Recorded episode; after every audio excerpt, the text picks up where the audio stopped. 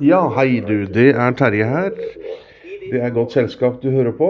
Og tusen takk til alle som har sendt meg svar på e-postspørsmålet mitt. Jeg sendte ut til hele lista for å bare sjekke at jeg er på rett kurs når det gjelder podkastinnhold. For jeg planlegger innholdet framover. Så spurte jeg lista hva ønsker du at jeg snakker om i podkasten? Hva ønsker du å lære mer om?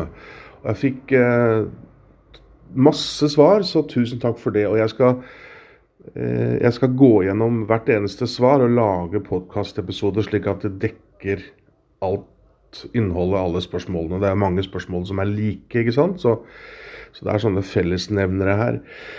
Så takk for det. Men i dag så har jeg lyst til å ta et litt sånn over Et sånn overbilde, heter det. Et sånn oversiktsbilde fordi det som går i det veldig mange av disse podkastene når det gjelder hvordan snakke med barn og ungdom, handler om at barn og ungdom ikke vil høre på deg. De eh, avbryter deg det øyeblikket du prøver å prate, eller de nekter å gjøre som du sier. De vil ikke høre. Er en sånn rød tråd i veldig mye av det som, eh, som går igjen, da.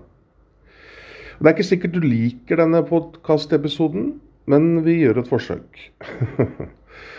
Din relasjon til ditt barn er kun dine tanker, tanker om barnet. Din relasjon til ditt barn er kun dine tanker om barnet. Det er kun dine tanker oppi ditt hode som er grunnlaget for den relasjonen du har med ditt barn. Vær gjerne uenig med meg, bli gjerne provosert. Eh, ikke gjør som jeg sier. Tenk sjøl, lag ny strategi basert kanskje på det jeg sier. Men det er noe i det, tenker jeg, da. Det er ikke en større sannhet i den relasjonen enn det du har oppi hodet ditt. Så hvis vi nå tenker litt utover det vi kanskje er vant til Slik jeg ser det, så handler dette om å ikke korrigere, men å motivere. Her kommer en ny som kanskje provoserer. Jeg mener i veldig mange tilfeller så er det veldig smart å behandle ditt barn som en venn eller kollega. Ikke som et barn. Nå kommer dette litt an på alder. Og noen ganger så skal vi være voksne som vet best og sette grenser. Det fører til trygghet i barn og ungdom.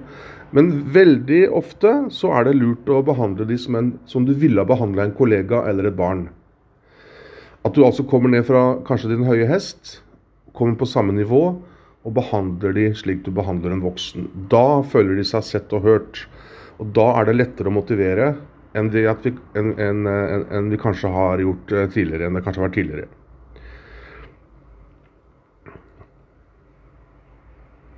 Fordi oppdragelse, slik jeg ser det, handler ikke om straff eller belønning.